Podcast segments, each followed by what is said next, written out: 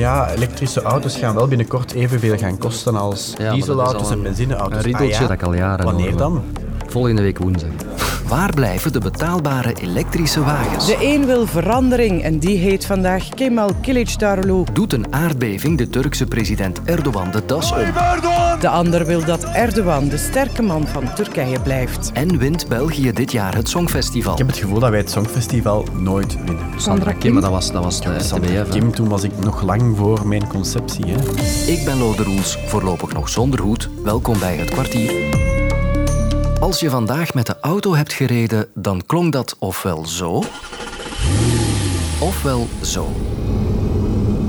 Dat laatste is een elektrische auto. En als je daarmee rijdt, durf ik te wedden dat het wellicht om een bedrijfswagen gaat. Want van alle volledig of gedeeltelijk elektrische auto's die in ons land rondrijden, is 9 op de 10 een bedrijfswagen. En steeds meer nieuwe auto's die in ons land gekocht worden, zijn ook bedrijfswagens. Met andere woorden, particulieren kopen steeds minder nieuwe auto's en hebben weinig zin in de elektrische wagens als ze het zelf moeten betalen.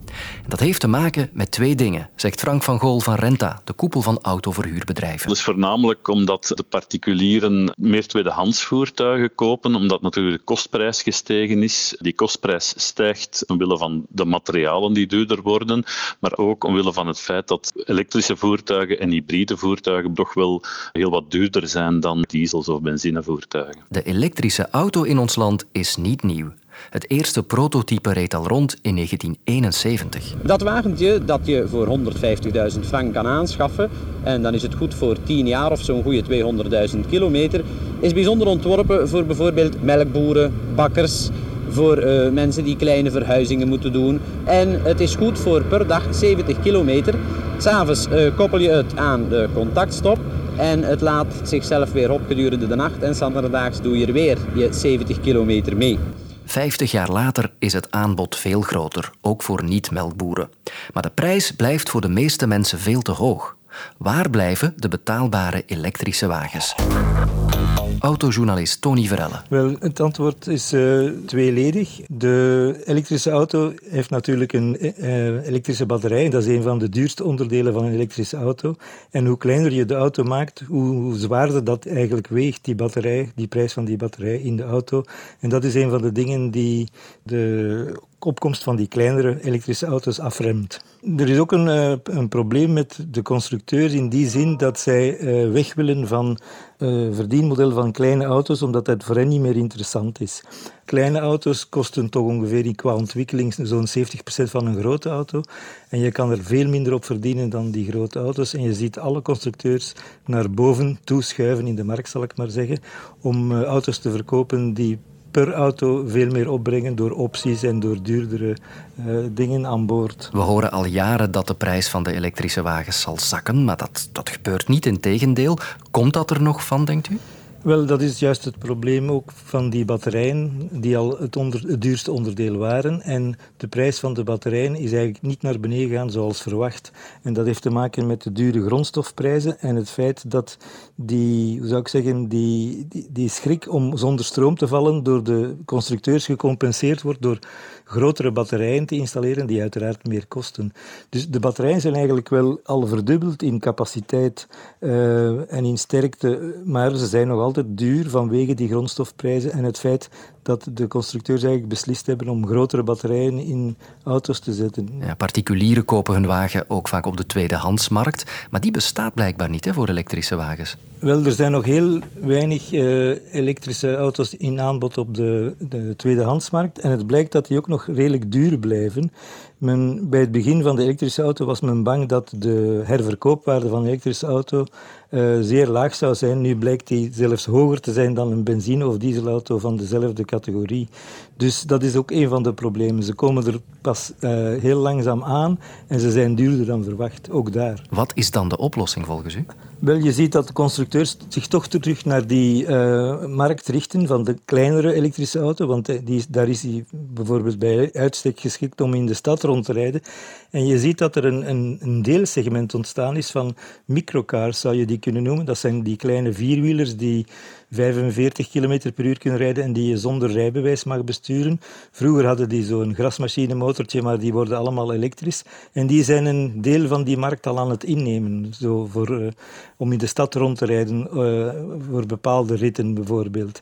Maar je ziet dat nu toch een aantal constructeurs, de, hoe zou ik zeggen, het geweer weer van schouder veranderen en terug geïnteresseerd geraken. Volkswagen wil dat doen, Renault wil dat doen, om uh, echt betaalbare, kleinere elektrische auto's te maken om dat deel van de markt ook te kunnen bedienen. En ik denk dat daar de, de particulieren zeker zullen op reageren.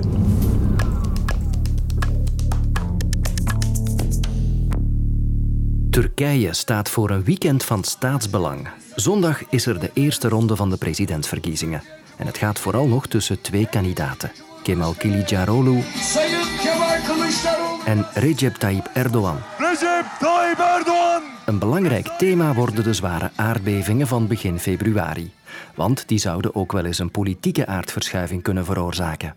Dat weet ook Mitra Nazar, correspondent in Turkije. Ze maakte er zelfs een podcast over. Dit is Erdogan, de naschok. Ja, en die titel is natuurlijk niet toevallig gekozen. En Mitra ziet hoe de geschiedenis zich herhaalt. Kijk, in 1999 uh, was in Turkije een, een hele grote aardbeving. Uh, 130 kilometer bij Istanbul vandaan, uh, in Izmit aan de zee van Marmara. Om twee minuten na drie uur vannacht werd een groot gebied rond de hoofdstad Istanbul getroffen. 45 seconden lang beefde de aarde met een kracht van 6,7 op de schaal van Richter. Talloze gebouwen stortten in. Honderden mensen die op dat ogenblik sliepen, werden bedolven onder het puin. 17.000 mensen zijn er om het leven gekomen. Dat maakte heel veel woede los over de regering die er destijds zat. Dat was een seculiere regering, de nu grootste oppositiepartij CHP. En in die tijd waren er eigenlijk dezelfde soort klachten van mensen als die we nu horen. Dat gaat dan over trage hulpverlening. Dat kwam niet goed op gang.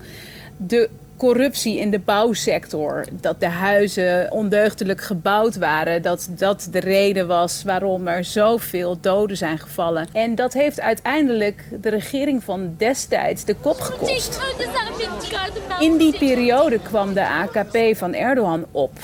Um, hij was zich eigenlijk aan het warmlopen achter de schermen. En in die tijd dat er veel ontevredenheid was over de regering van toen, is hij groot geworden, is hij populair geworden. En een aantal jaar na die aardbeving, met echt de historische verkiezingen in 2002, heeft de AKP toen gewonnen. En toen zijn ze aan de macht gekomen en vrij snel daarna werd Erdogan uh, premier voor het eerst. Cumhuriyet hükümetini kurma görevini... En ja, the rest is history zou ik willen zeggen. En nu zijn we op een punt beland dat het twintig jaar later is. En we opnieuw voor een verkiezing staan die nu al historisch wordt genoemd. Omdat Erdogan er toch echt slechter voor staat dan hij ooit heeft gedaan. En ook na een aardbeving. Die aardbeving is natuurlijk niet de enige reden waarom Erdogan er zwak voor staat. Dat heeft vooral ook te maken met de slechte economische situatie in het land. De afgelopen paar jaar gaat het echt bergafwaarts eh, met de koopkracht van veel Turken. Van eigenlijk alle Turken. Iedereen voelt dat. Vorig jaar hadden we een hyperinflatie van, van zo rond de 100 procent. En dat kon onze reporter Jens Fransen met eigen ogen zien in Turkije. Hij bezocht Barbara, een Nederlandse vrouw die hier al 23 jaar woont. We staan in uh, Gurme, dat is het hart ongeveer van de streek Cappadocië. Dat is een vulkanisch gebied. Valleien ertussen met bomen, landerijen. En je hebt me meegenomen naar de markt? Ja, ja, ik dacht, ik laat je even zien hoe duur het is geworden. Wat wou je, aardbeien? Aardbeien, ja. In een zakje. Ja. Uh, ne kadar bunlar? 50 lira bakje aardbeien. Goedemorgen. 2,5. Dat, dat is een beetje gelijk Parijs bij ons, hè? Ja, maar hier verdienen ze geen... Uh, ja? Hier verdienen ze 200 tot 400 euro. We gaan het toch doen. Oké. Okay. Mensen kunnen niet meer rondkomen. En dat Ja, dat wordt Erdogan toch ook echt wel op het bordje gelegd. En op dit moment lijkt het er heel sterk op dat de oppositie, de oppositieleider, eh, presidentskandidaat Kemal Kılıçdaroğlu, die het opneemt tegen Erdogan, dat hij uh, voorstaat. Türkiye'yi hazır mıyız? Hazır? En dat er kans is dat hij Erdogan verslaat met deze verkiezingen. En dat is bijzonder en dat is uniek. Uh, is lang niet voorgekomen dat ze zo dicht bij elkaar zitten. En dat komt eigenlijk vooral omdat de oppositie voor het eerst zich heeft weten te verenigen op grote schaal. Deze man, Kılıçdaroğlu, is het gelukt om zes verschillende, heel verschillende oppositiepartijen bij elkaar aan tafel te krijgen. Met maar één doel en dat is proberen Erdogan weg te stemmen. Nu eindelijk. De oppositie spreekt van een nu of nooit moment. En ja, dat heeft er toch echt wel toe bijgedragen dat ze sterker staan dan ooit tevoren. Dus het, het wordt in alle opzichten een heel, heel spannende verkiezing.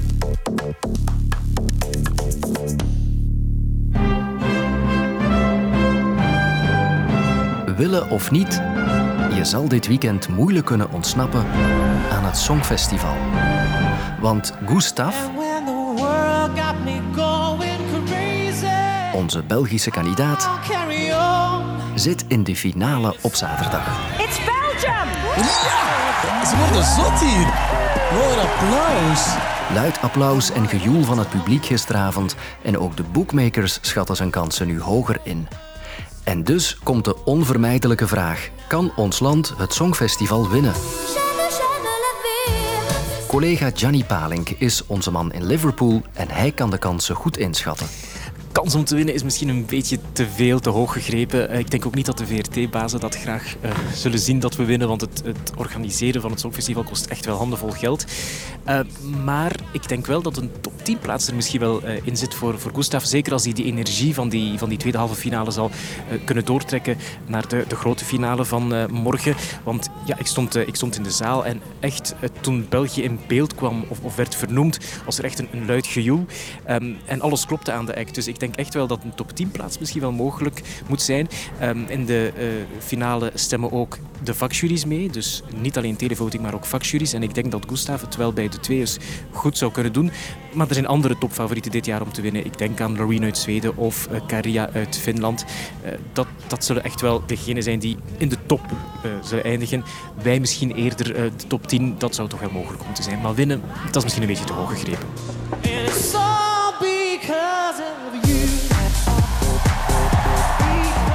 België heeft nog maar één keer gewonnen in 1986 met Sandra Kim. Maar sommige landen winnen veel vaker dan anderen het Songfestival.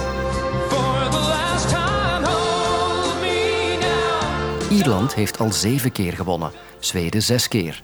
Is dat dan toeval of zou er echt een formule zijn om te winnen? Goh, eh, is er een formule? Wel, het, hangt van veel factoren af om, uh, om te winnen op het Songfestival. Um, dat Zweden zo vaak wint, Zweden heeft al zes keer gewonnen, maakt kans om zeven keer te winnen nu. Dat heeft vooral te maken met hun sterke preselecties, melodiefestivalen. Um, ja, die hebben jaar in jaar uit een continuïteit van, van dezelfde formule, waardoor ze ook heel veel fans buiten Zweden hebben. Dus die zijn eigenlijk altijd op voorhand al favoriet. Um, maar het komt erop aan om ja, authentiek te zijn, een verhaal te hebben en uh, origineel te zijn. En als je niet origineel bent, ja, dan kun je misschien wel een kopie zijn, maar dan moet je vooral geen slechte kopie zijn. En ja, als je dat allemaal samentelt en een, een mooi liedje hebt en, goed zingt, want uh, daar uh, kunnen sommige kandidaten ook wel de mist in gaan. Als je dat allemaal samentelt, dan, ja, dan, dan maak je kans om hoog te scoren en misschien wel te winnen. We have a winner! The winner Eurovision Song Contest 2022 is Ukraine! Natuurlijk ook de, de, de, omstandigheden spelen natuurlijk ook altijd een rol. Want iedereen denkt dan natuurlijk aan de overwinning van, van Oekraïne vorig jaar. Um, dat speelt natuurlijk een rol, maar dat zal zeker wat vorig jaar betreft niet een doorslaggevende rol hebben gespeeld, denk ik. Van het was gewoon van Oekraïne vorig jaar ook gewoon een goede act en een goed liedje dat sowieso goed zou gescoord hebben. Het speelt een rol, uh, politiek, geopolitiek, sympathiestemmen. Uh, omdat je natuurlijk ook een verhaal moet vertellen op zo'n groot podium. En ja, de geopolitieke omstandigheden, zoals een oorlog, ja, dat maakt deel van je verhaal. Dat hebben we nog gezien op, uh, op het Songfestival. Uh, maar het is niet alleen dat. Je moet echt ook wel een goede act en een goed liedje hebben. Dus ik denk ook niet dat Oekraïne dit jaar bijvoorbeeld opnieuw zou kunnen winnen, alhoewel de oorlog daar nog altijd, altijd bezig is. Daarmee gaat het kwartier het weekend in, maar maandag zijn we er alweer terug. Because of you, lieve luisteraar. Tot dan. Heb je vijf minuten? Michel Cuvelier zet elke vrijdag vijf nieuwe nummers in je playlist. De nummers waarvan je nog niet wist dat je ze nodig had. Ontdek vijf voor je playlist. Nu in de app van VRT Max.